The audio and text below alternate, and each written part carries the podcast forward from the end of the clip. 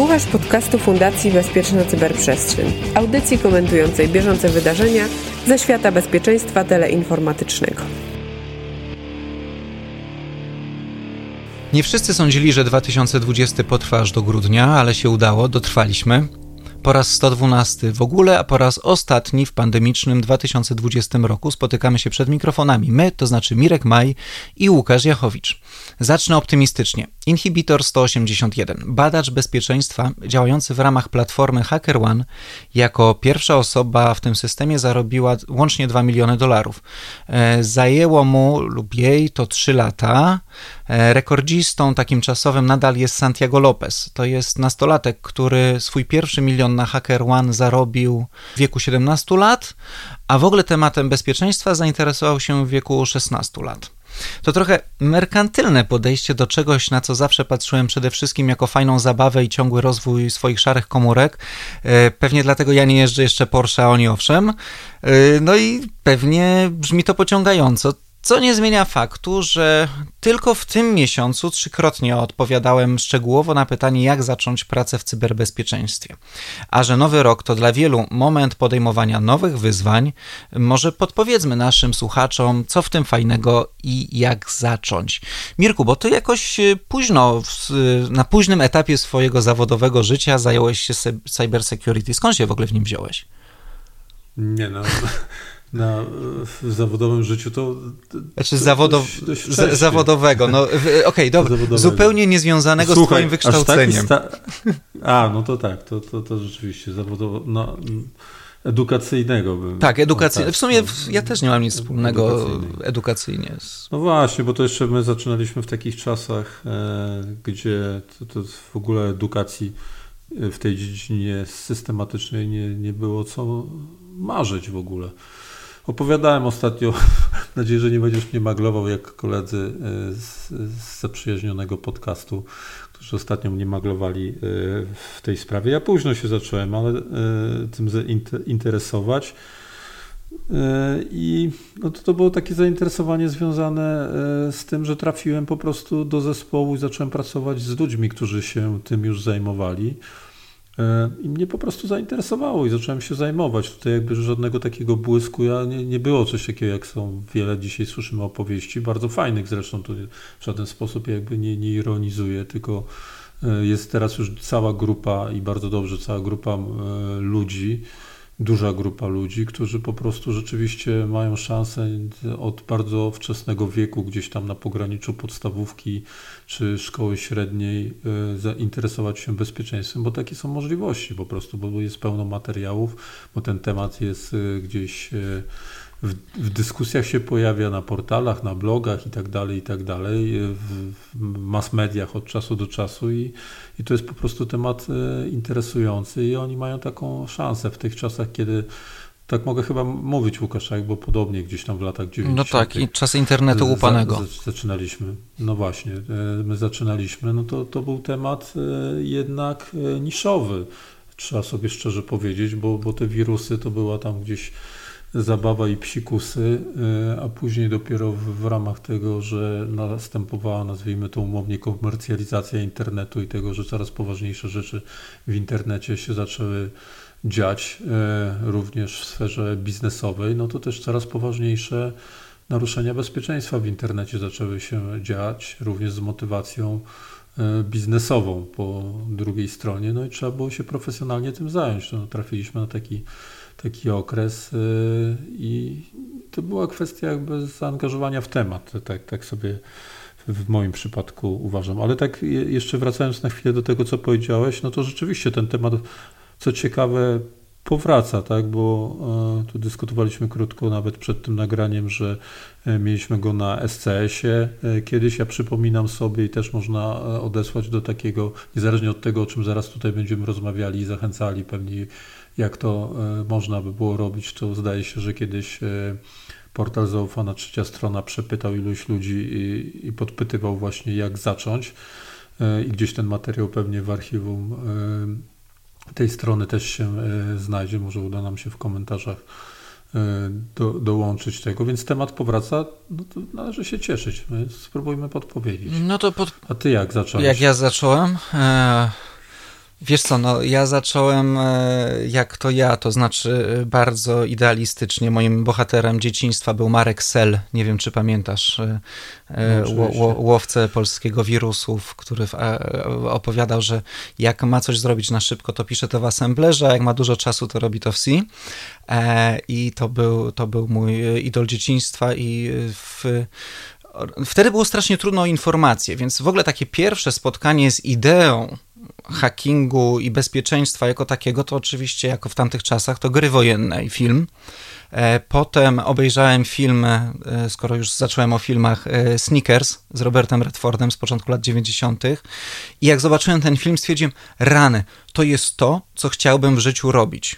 To znaczy badać istniejące systemy, żeby mi ich właściciele płacili za to, żebym ja sprawdził, czy są bezpieczne. Kłopot polega na tym, że to były wczesne lata 90. I ani ja nic nie umiałem, ani rynku na, ten tem- na, to, na to nie było. Już pomijam fakt, że byłem niepełnoletni i to mocno. E, I, e, i, I tak jak patrzę w ogóle, no bo ja też patrzę na to trochę szerzej biorąc pod uwagę swoje hobby pod tytułem badanie historii e, cyberbezpieczeństwa, to ja w ogóle dzielę trochę ten czas e, związany z cyberbezpieczeństwem za, na mniej więcej do czasów tej bańki internetowej roku 2000 i później.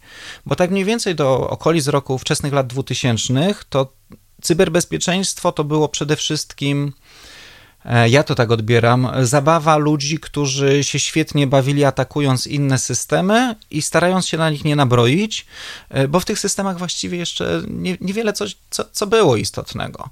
A kiedy już e, była, przeszła ta pierwsza bańka internetowa i ludzie zaczęli inwestować mocno w internet, to skończyły się te tak zwane romantyczne, jak niektórzy mówią, czasy bezpieczeństwa i zaczęła się, weszła w to mafia, weszli to cyberprzestępcy, wyłudzacze, pojawił się ransomware, e, kradzieże danych i, i przestało to być coś e, zabawnego, zaczęło być to coś, e, no, z, zabawa w policjantów i złodziei bardziej. E, I, i, I dopiero w tym momencie ja się w to zaangażowałem bardziej zawodowo, bo już się pojawił na to w związku z tym taki realny rynek. No bo wcześniej tak, y, nie dało się zdobywać informacji, znaczy było bardzo ciężko. Ja różne informacje o bezpieczeństwie ściągałem z jakichś BBS-ów. Mam jeszcze gdzieś wydruki na dziewięcioigłowej e, drukarce zrobione e, z, z jakimiś tam faku Elkam Tufa z, z nie wiem, 97 rok to był, 96, z jakimiś tam materiałami o tym bardzo naiwnymi, jak hakować, co to jest cyberbezpieczeństwo, jak pisać wirusy. Nawet książki były, nie wiem czy pamiętasz. E, w Polsce się pojawiła polska książka tak, Jak tak. pisać wirusy. E, jeżeli ktokolwiek e, się chce zajmować assemblerem 32-bitowym i86, to, to, to, to, to, x86, to, to, to, to była wtedy podstawowa książka, ponieważ sama książka taka sobie, ale na końcu miało dokładny opis wszystkich instrukcji assemblera, więc każdy, kto się bawił assemblerem, miał tę książkę na swojej półce. Nie po to, żeby pisać wirusy, tylko po to, żeby mieć ściągę z assemblera pod ręką. Teraz to się po prostu otwiera internet i tam wszystko wszystko jest. No więc y, wiesz, no ja poszedłem trochę w taką idealistyczną walkę z różnymi y, rzeczami na początku lat 2000. E, działałem w Linux, pisałem w Linux News, potem pisałem w Seventgardzie, gdzie naprawiałem świat, a potem znowu przyszły czasy, że trzeba było zarobić na tą rodzinę, dzieci i wróciłem już zawodowo do cyberbezpieczeństwa. E, gdzie siedzę jest naprawdę fajnie, bo to jest, e, co prawda nie, nie zarobiłem swojego pierwszego miliona dolarów e, w rok po tym, jak się tym zainteresowałem, ale w dalszym ciągu jest to znaczy jednocześnie jest łatwiej i trudniej, bo łatwiej jest, bo te wszystkie informacje są pod ręką, łatwiej jest, bo i za chwilę pewnie o tym powiemy, gdzie one są, łatwiej jest, bo są systemy, na których można ćwiczyć, nie trzeba się włamywać na cudze komputery, bo, bo, bo nasze komputery są już na tyle szybkie, że możemy na nich odpalić 50 maszyn wirtualnych, e, które możemy atakować i one się nie, nie zakrztuszą. E, mamy komercyjne i niekomercyjne systemy, gdzie są tam konkursy na włamywanie i badanie bezpieczeństwa. Są komercyjne konkursy, gdzie płacą nam za badanie cudzych systemów bezpieczeństwa, więc da się zarabiać, a jest trudniej, bo nie wiem, czy to ja się zestarzałem, czy w związku z tym, że tak łatwo dostać teraz informacje, to się człowiekowi nie chce, bo teraz już nie jest tak, że du, du, dubię w coś, żeby coś nowego wymyślić, tylko sobie szybko klikam po gigantycznej bazie informacji i sprawdzam, czy ktoś już to wymyślił, jak to złamać przede mną.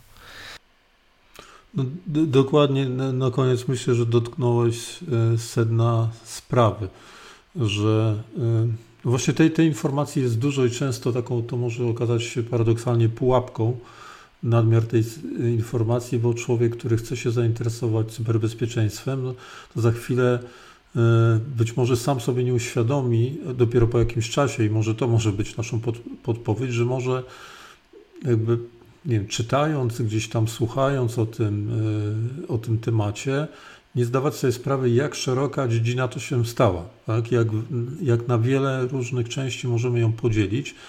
E, to, to nie jest tylko, znaczy, no nawet gdybyśmy podzielili to na, na te najbardziej znaczące części, takie nie wiem, jak pentesting, jak analiza złośliwego oprogramowania, jak, e, jak forensiki, no tego typu rzeczy, które no każdy myślę, że, że intuicyjnie wręcz e, rozumie, to, to, to, tych dzieci jest jeszcze więcej. Już tutaj nie dotykam spraw e, jakby bezpieczeństwa związanego z, z organizacyjnymi, zarządczymi sprawami, które też staje się bardzo, bardzo wyspecjalizowane.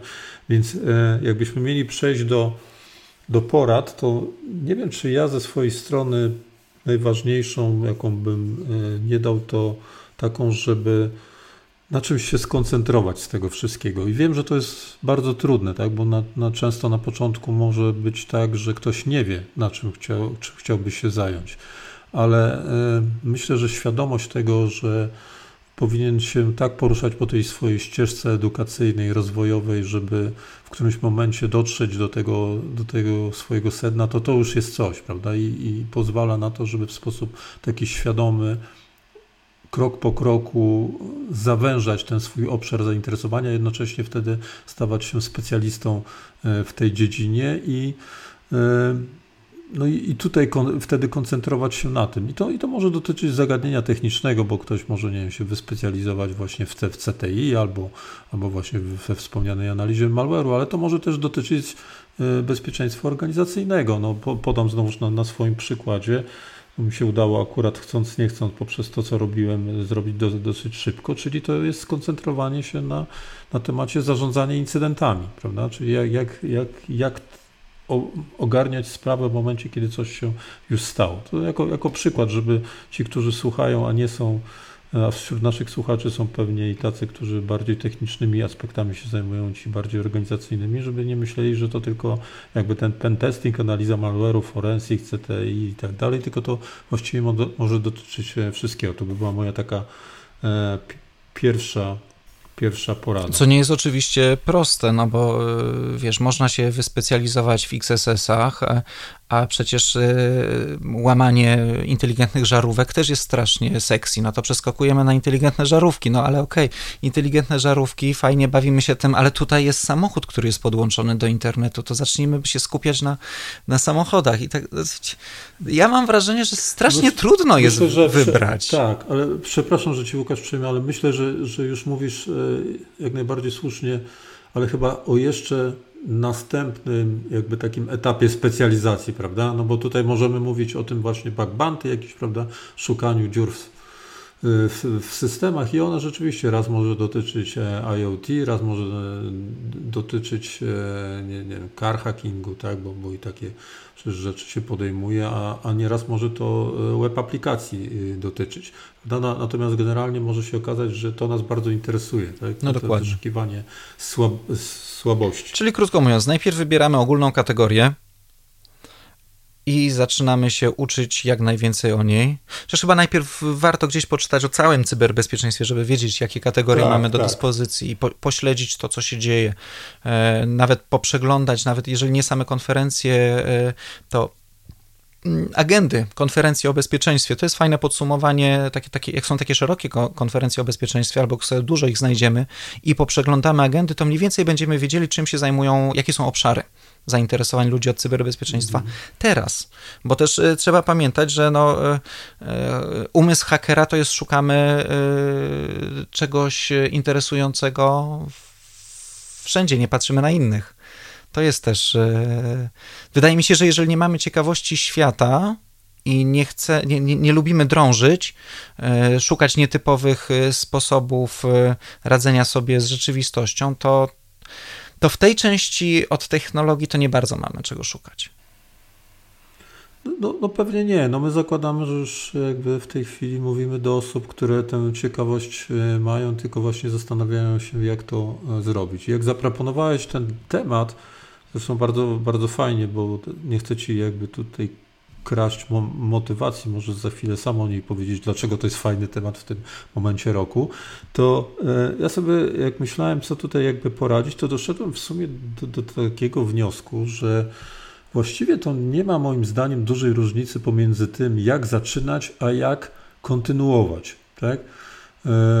Może nawet z, z, tą specjalizacją, prawda, Tro, troszeczkę, ale później właściwie techniki, jakich używamy do tego, żeby się rozwijać, mogą być bardzo podobne. Ja mogę powiedzieć jakby e, o swoich, bo, to mi się wydaje, jak słucham innych zresztą, że to jest najbardziej ciekawe takie powiedzenie po prostu, a co ty konkretnie robisz prawda, w, w, w tej, w tej sprawie. Ja bym to e, podzielił jakby na, na, na takie e, kilka takich obszarów, które właściwie prawie, że na co dzień, to oczywiście w zależności od tego, jak inne obowiązki pozwalają na to, ale gdzieś tam stosuję do, do rozwoju. I to jest, oprócz tego, zacznijmy od tego może, co sami robimy, tak? To, to, są, to są podcasty, prawda, których pełno można w tej chwili znaleźć i polskojęzyczne, no może tych akurat tak strasznie dużo, dużo nie ma, ale, ale kilka już kilka już jest, ale też, e, też zagraniczne, które można po prostu sobie odsłuchiwać. Ja powiem szczerze, akurat tutaj troszeczkę czuję się niekomfortowo, bo, bo co ciekawe, w tym okresie pandemii ja nie wiem jak ty Łukasz, ale ja słucham mniej podcastów, bo ja, u mnie to zawsze było jakby powiązane z kwestią mobilności. Tak? Ja też niestety, niestety mocno zjechała moja słuchalność podcastów. No One właśnie. się tam wszystkie na telefonie zbierają, bo wyłączyłem limity, ale na szczęście mam duży dysk w telefonie. No tak, to, to samo. I, I, liczę na to, że kiedyś... dzisiaj patrzę, o rany. liczę, że kiedyś ich posłucham. security, co się tak. dzieje, tak, na tej playlist. Nawet nie będę podawał, bo ludzie powiedzą, że ja sobie jaja Także pozdrawiamy wszystkich, którzy nas słuchają, opróżniając kolejkę gdzieś koło 2023 tak, tak. roku. To tak może, może być, ale zakładam, że nie mówimy tylko na, na okres obecny, ale, ale to może się przydać. Mam na, mamy nadzieję jak najszybciej, e, już w 2021, więc, więc to są na pewno e, podcasty, to są na pewno konta twitterowe, które gdzieś tam sobie stworzyłem swoją własną, e, prywatną E, listę security, tych kont, których e, no uważam, że nie, wcale nie musi być dużo, tak? bo, bo dużo to zaraz sprawia tak, że po prostu tu też nam się robi kolejka. A to akurat myślę, że tutaj jakby nie zmieniło się. Tak? To może nawet akurat kosztem podcastów tego e, przeglądania so, sociali branżowych może być więcej. I to jest wyłapywanie właśnie w tych miejscach ciekawych, i to już bym powiedział, taka selekcja właśnie w ten sposób następuje, ciekawych artykułów, opracowań, raportów, które później stają się no jakby kolejną kolejką. No, też czasami za dużą, prawda? No ale, ale tutaj gdzieś musimy swoje jakieś różne metody zastosować do tego, żeby jednak e, na czymś się skoncentrować i coś, e, coś robić. I bym powiedział, że no w, te, w ten sposób no, właściwie ja osobiście działam, działam od lat. Yy, i to jakoś, jakoś e, nie, nieźle wychodzi. Wśród tych artykułów, tego co na przykład wyłapuję, e, czy, czy z, z newsów jakichś, czy, czy właśnie e, z Twitterów, oczywiście też są co, jakieś ciekawe prezentacje. I tu bym akurat na tym się na chwilę zatrzymał, bo uważam, że to jest bardzo fajna metoda, bo tak jak sceptycznie, taka moja obserwacja, nie wiem, czy Łukasz się z nią zgodzisz co do roku 2020 i okresu pandemii, tak jak no wszyscy na początku mówili, no na chwilę to będzie, jakoś tam musimy tam online przeżyć z tymi konferencjami, to później wszyscy zaczęli się e, nudzić tymi konferencjami. I, i, pamiętam, że, że akurat tutaj e, jedną z ciekawszych rzeczy, którą nam się udało przez CS zrobić, to właśnie zaproponować inny wirtualny wy, format i, i to e, myślę, że spotkało się z dużym y, zainteresowaniem, ale wracając do treści merytorycznej, to ja mam takie wrażenie, że w tej chwili no, trochę się już pogodziliśmy z tym, że to tak musi wyglądać i akurat można znaleźć, ja osobiście znajduję wartość w tym, że ileś materiału jest e, online i ono jest dostępne. Bo często było tak, że no jak po prostu się nie szło na konferencję, no bo to jakby fizycznie na przykład było niemożliwe, albo za daleko, albo za drogo, albo albo nie było czasu, no to, no to właściwie to się już w ogóle odpuszczało. A teraz jest szansa, że do tych materiałów można łatwo dotrzeć i one mogą być bardzo inspirujące, rozwijające, już bym powiedział nawet specjalistycznych jakby kwestiach, tak? Tak jak sobie wymienialiśmy te różne kwestie, to może się okazać, że tu znajdziemy całą serię materiałów dotyczących nie wiem, na przykład, żeby kolejną dziedzinę na, na styku technicznych i organizacyjnych wymienić, na przykład matrycy Mitre Attack, prawda? I możemy znaleźć pełno materiałów super ciekawych na temat tego, jak po prostu w tym temacie można, jakie można robić y, rzeczy jak się, jak się rozwijać. Także to jest też rzecz, którą bym bardzo polecił, żeby sobie po prostu zrobić taką kolejkę fajnych, e, fajnych specjalistycznych e, wykładów i w ten sposób właściwie poniekąd stworzyć sobie swój własny wirtualny kurs. Z tym, że warto pilnować długości tej kolejki, bo ja spotykam, czy tam rozmawiam z ludźmi o, o konferencjach, bo też jestem zachwycony tym, że to wszystko jest w internecie i, i sobie oglądam nagranie, nie wiem, z CCC, z Black Hata i tak dalej.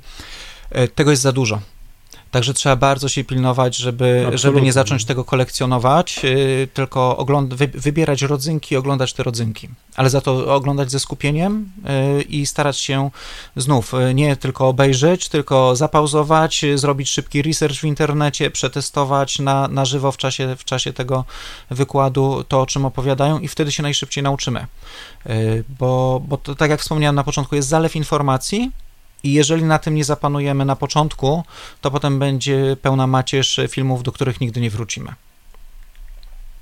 No zgadza się, no ale to, to jest to zarządzanie własnym też czasem, tak, tak naprawdę. to jest zarządzanie czasem. To jest zagadnienie jakby z, troszeczkę z innej dziedziny, która, zagadnienie, które dotyczy pewnie każdego, już nie, nie tylko z, ludzi, którzy zajmują się cyber security, tylko, tylko każdego i tu każdy ma ja tam swoje metody mam, ale to nie jest o tym pod, e, podcast. Może kiedyś zrobimy też w formule luźnej o tym, jak, jak takie, takimi rzeczami, e, jakie są hack life, żeby tym, e, tym zarządzać. Tutaj każdy musi po prostu coś swojego wypracować. Natomiast oczywiście zgadzam się, dobrze, że podkreśliłeś, trzeba znaleźć szybko sposób na zwalczanie, że tak powiem, budującej się kolejki, bo ona jest jakby frustrująca. Raz, drugie, do, do niczego nie, nie, nie prowadzi i, w, i jeszcze się kończy tym, że właściwie większość czasu, które moglibyśmy poświęcić na edukację, e, kończymy jakby spędzamy nad, nad budowaniem bazy materia, materiałów edukacyjnych. Tak? I, I to niby nam przynosi satysfakcję, a bo to znaleźliśmy to, tylko po prostu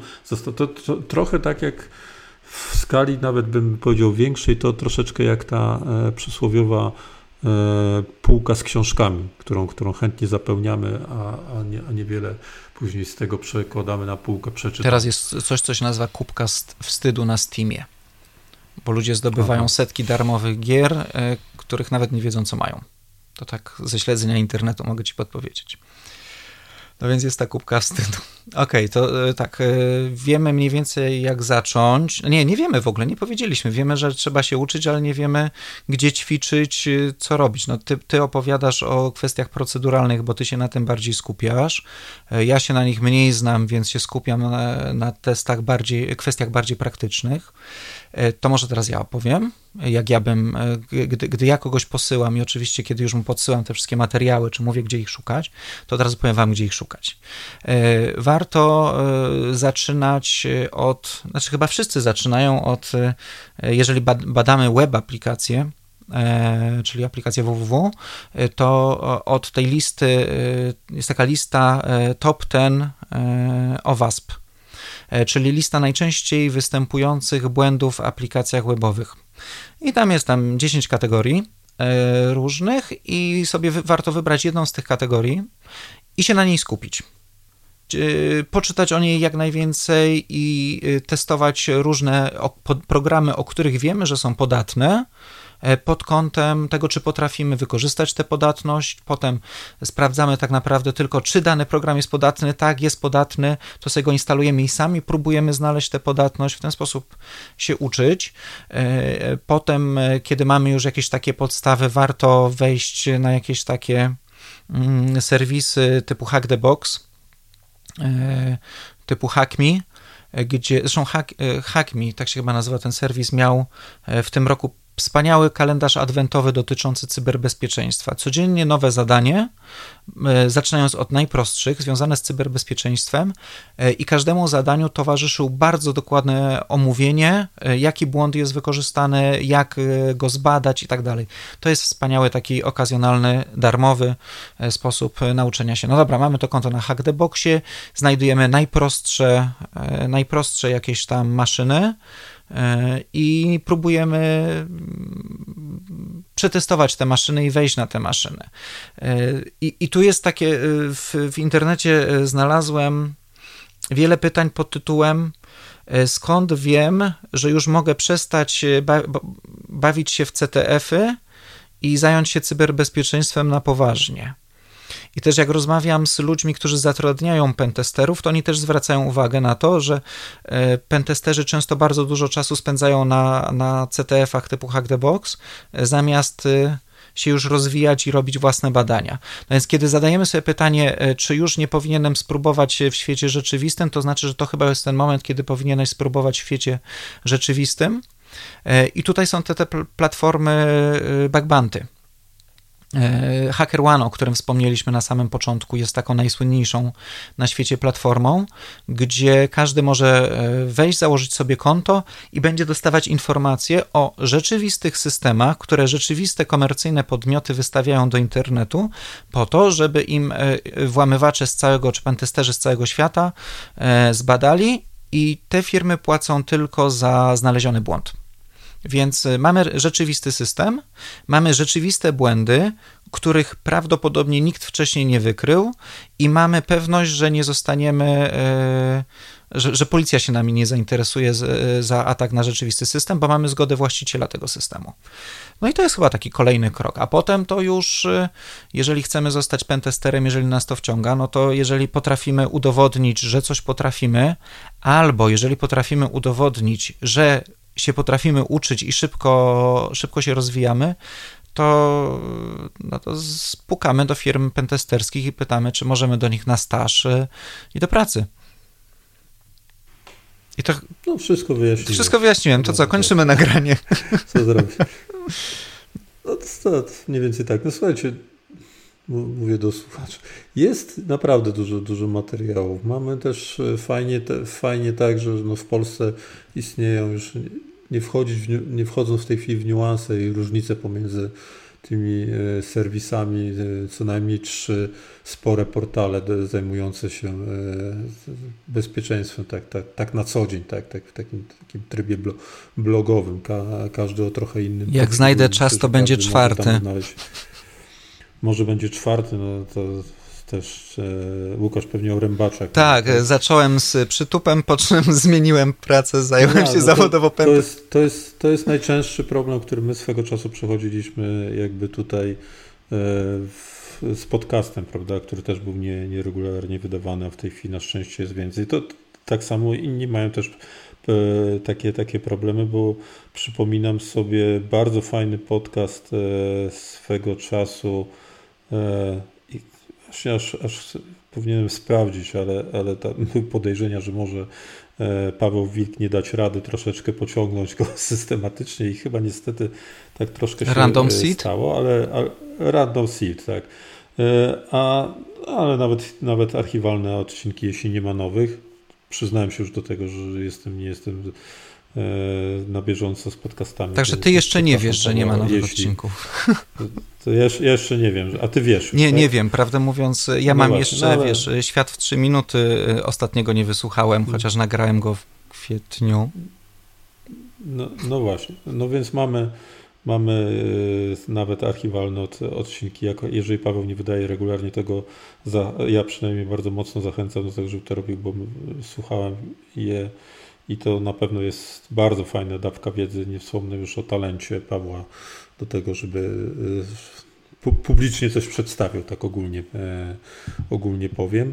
E, więc e, ma, mamy te serwisy, mamy też, e, no przecież jeden z serwisów, tutaj wymienimy zresztą, to Niebezpiecznik, Zaufana Trzecia Strona i, i Sekurak, ostatni z nich wydał też książkę. Bardzo dobra pozycja. tematu, o którym to mówiłeś, tak, bardzo dobra pozycja. Także mamy już sporo materiałów po polsku też, jeśli ktoś tutaj ma jakąś barierę z materiałem anglojęzycznym, ale powinien jej nie mieć, tak po jakimś czasie przynajmniej zajmowania się. No ale powiedzmy, bo właściwie nie powiedzieliśmy o, takiej rzeczy, która się no sama właściwie takie pytanie same się nasuwa, no ale co z, z, regularną edukacją? No tu nie jest tak dobrze, tak? Jeżeli ja dobrze kojarzę, to w tej chwili mamy chyba tylko dwa e, ośrodki e, akademickie, które e, dotykają tego bezpieczeństwa technicznego w trybie studiów dziennych. Myślę tutaj o Politechnice Warszawskiej i o e, Wojskowej Akademii Technicznej. Jeśli się mylę, to przepraszam, ale to, to proszę się odzywać, będziemy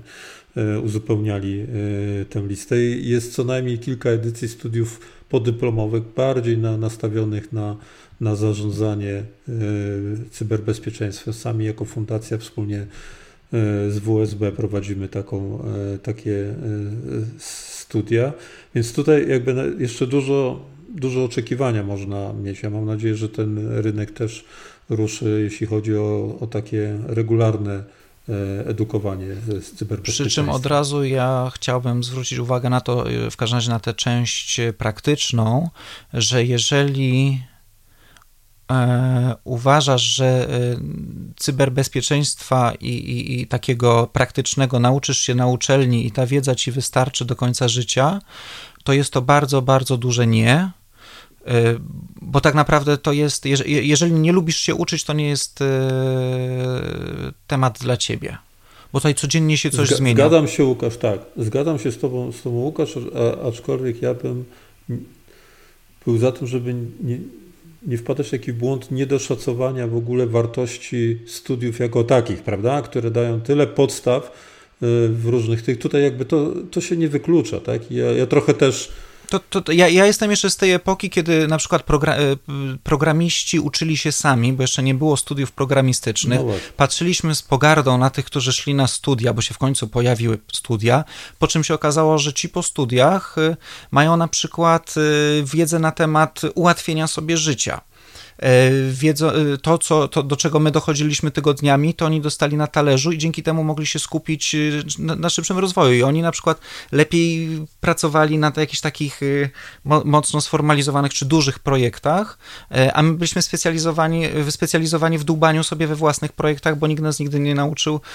pracy zespołowej, że tak powiem. Dokładnie tak. To jest jedna, jedna z wartości, pewnie jeszcze jest wiele innych. Zresztą jedno z drugim się moim zdaniem nie wyklucza. Ja mając e, e, przyjemność tutaj e, pojawiania się też z jakimiś tam wykładami na Politechnice Warszawskiej, obserwuję też tych ludzi, którzy tam studiują i to, to nie jest tak, że w związku z tym, że oni na pierwszym, drugim roku tego cyberbezpieczeństwa mają naprawdę bardzo mało, no bo po prostu kwestia wypełnienia tego programu podstawowego, związanego z, z, z, przedmiotami podstawowymi, takimi jak matematyka na przykład, prawda? E, to sprawia, że, że tam dużo miejsca na cyberbezpieczeństwo nie ma. To nie znaczy, że oni jeszcze nic nie wiedzą. Oni, oni do, dosyć szybko za, z, zaczynają i myślę, że w momencie, kiedy oni już będą mogli na ko kolejnych latach skoncentrować się właśnie na tych przedmiotach specjalistycznych, wejdą już z taką, z taką dawką, która sprawi, że to może być bardzo szybko dla nich właśnie odpowiedź na to, co, co oni konkretnie chcą e, robić i, i, ich prace już e, takie praktyczne, laboratoryjne mogą być wtedy skoncentrowane e, na zresztą tym. No, najlepszym, tak zresztą najlepszym przykładem na to, przepraszam, że ci wejdę w słowo, na to, że mhm. można zostać nauczonym cyberbezpieczeństwa jest izraelski unit 8200 E, no, to dość ekstremalny. Zgadza się. Ucze, uczenia bez Zgadza się, ale jest. Ale tak, to jest tak, namacalny tak, dowód, że w krótkim jest, czasie da się wykształcić, wykorzystać i wypuścić na rynek. Bo oni tam tak, mają chyba trzy lata na, na, na nauczenie i wykorzystanie z tych umiejętności. Nim się, nim tak, się puszcza. ten czas, był, ten czas byłby pewnie jeszcze krótszy, gdyby im na siłę nie gasili światło, żeby nie popadli w, w, w jakiś nauk, tak. na, e, nauki. No ale to, to rzeczywiście są, no, obyśmy mieli takie No i ja, chcia, ja chciałbym, żeby w Polsce, w Polsce, takie coś powstało i mam tak, nadzieję, że, że będzie. E, to ja jeszcze, e, no, może byśmy tak. zahaczyli, właśnie to chyba będziemy powoli kończyć, ale tak yy, czasem pojawia mi się pytanie, bo mnóstwo jest certyfikatów związanych z cyberbezpieczeństwem i yy, pojawia się pytanie, czy one mają sens. Yy, Co ja, ja tu...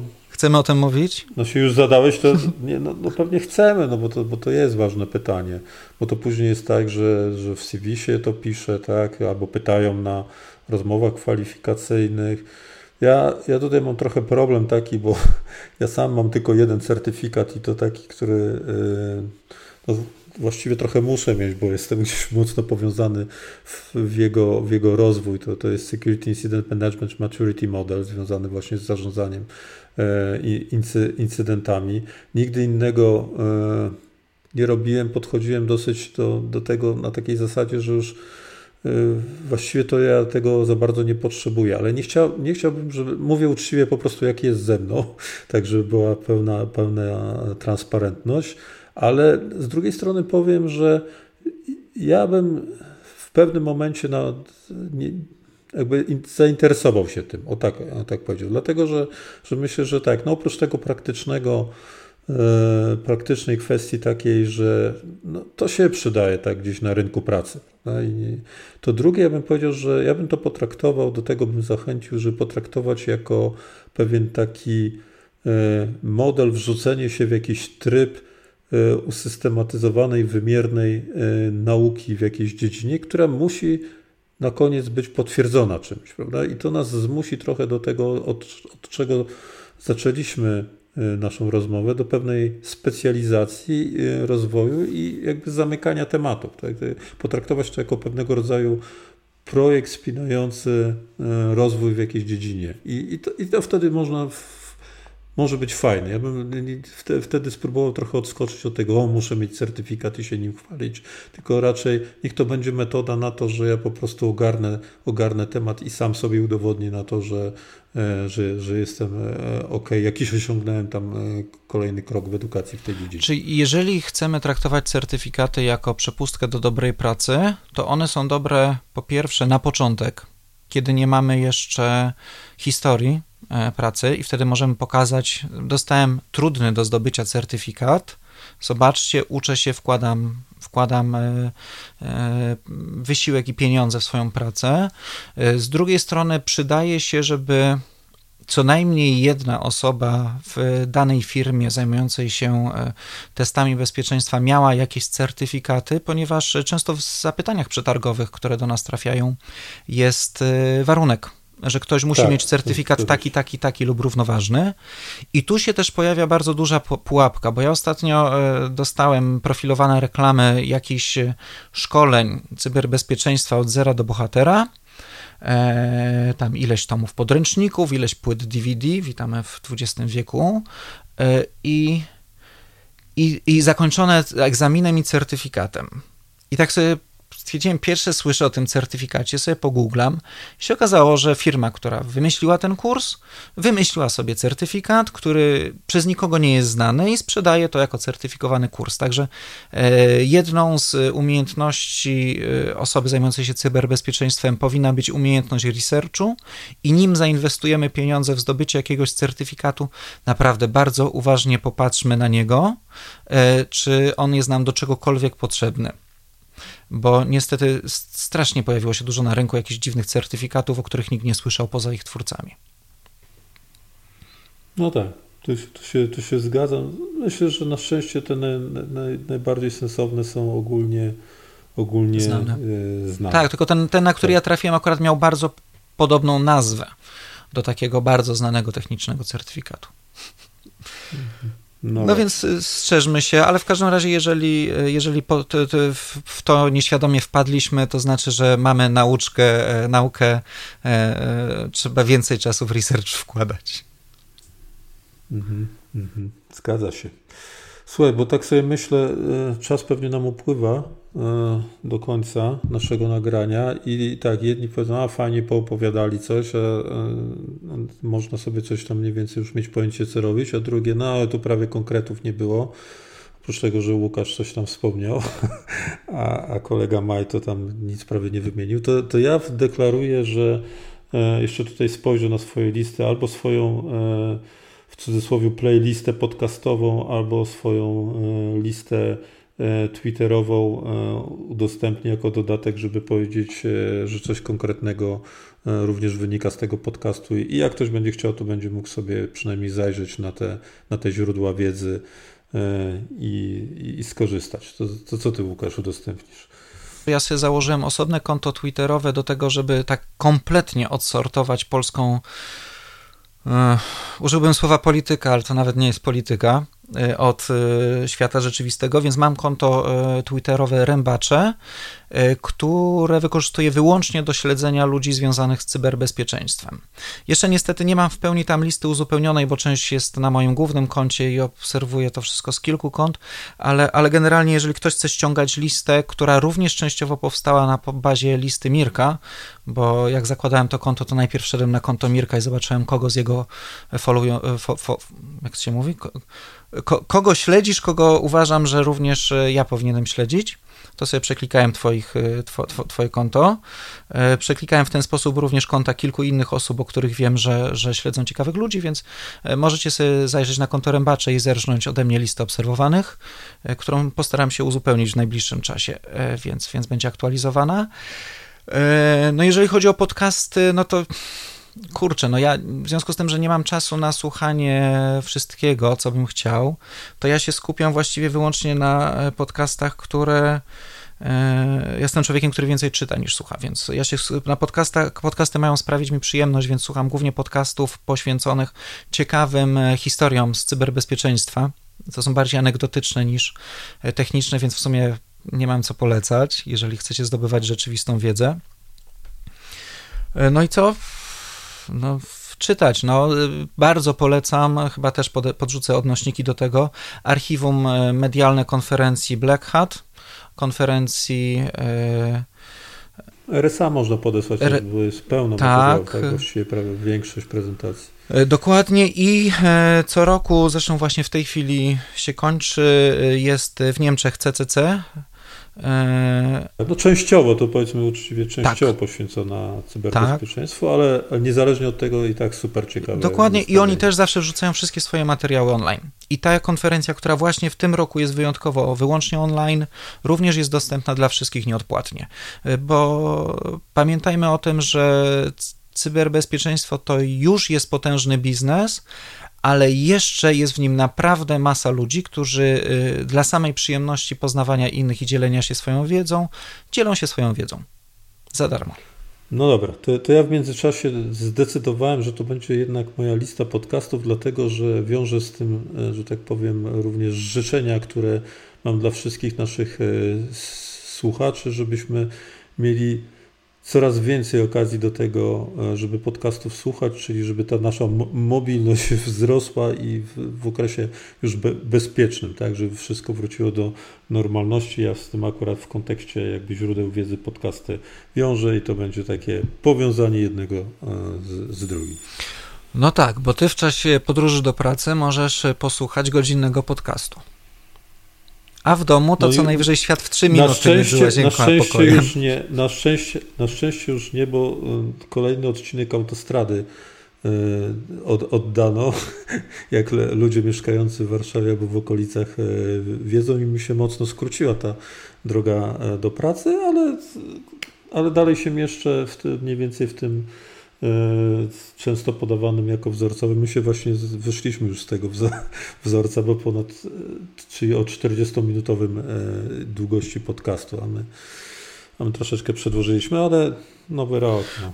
Można, zawsze takie mocne Polaków rozmowy. Ja tylko powiem, że jeżeli chodzi o plan dzisiejszego odcinka, to my jesteśmy dopiero w połowie pierwszej strony, ale chyba sobie resztę zostawimy na kolejne. No to będziemy mieli następny plan. Wiesz, ile Łukasz nagraliśmy cyber, cyber odcinków w ogóle, nie, nie tylko my we dwóch w 2020? Nie liczyłem. 29, y, około 16,5 godziny do odsłuchania. Jakby ktoś chciał zaległe y, odsłuchać, zapraszamy serdecznie, obiecujemy. W miarę chyba niezłą regularność wychodzi, taka troszeczkę mniej niż 10-dniówka, tak? No tam wakacje niż, były po drodze. Więcej niż. O tym tak, pamiętajmy. Także, także, także było ok. Z, z, zachęcamy również do słuchania odcinków e, tak zwanych procesowych. E, Pewnie wrócimy do tematyki bezpieczeństwa e, w chmurze, ale może w styczniu sobie troszeczkę opowiemy o, jakichś tam planach. Prawda? Myślę, że tak, bo też musimy jakieś plany zrobić. E, Jeżeli e, wy sięga, e, jeżeli drogi słuchaczu, drogi słuchaczko, sięgacie wyłącznie po co drugi odcinek, bo jesteście zainteresowani kwestiami bardziej praktycznymi, mniej procesowymi, to jesteście zawiedzeni, że nie ma nic o SolarWind, to zapraszamy do poprzedniego odcinku, 111, gdzie właśnie druga ekipa opowiadała o SolarWindzie. I buchnęła nam temat. No tak, dobrze, że, dobrze, że go odsłuchaliśmy, bo myśmy, myśmy nagrali drugi taki sam, ale to już nasz problem. Dokładnie. No to co? To wszystko w 112 odcinku podcastu Cyber Cyber. Żegnają Was Łukasz Jachowicz, Mirek Maj, Fundacja Bezpieczna Cyberprzestrzeń. Eee, i, I co? Wszystkiego dobrego w 2021. Tak, obyśmy Do- wykreślili do 2020 ze swojej pamięci, chociaż nie do końca, bo mi się na przykład rodzina powiększyła. Także dla mnie jest, Gratulacje. także dla mnie jest plusik. To do usłyszenia. Cześć. Cześć.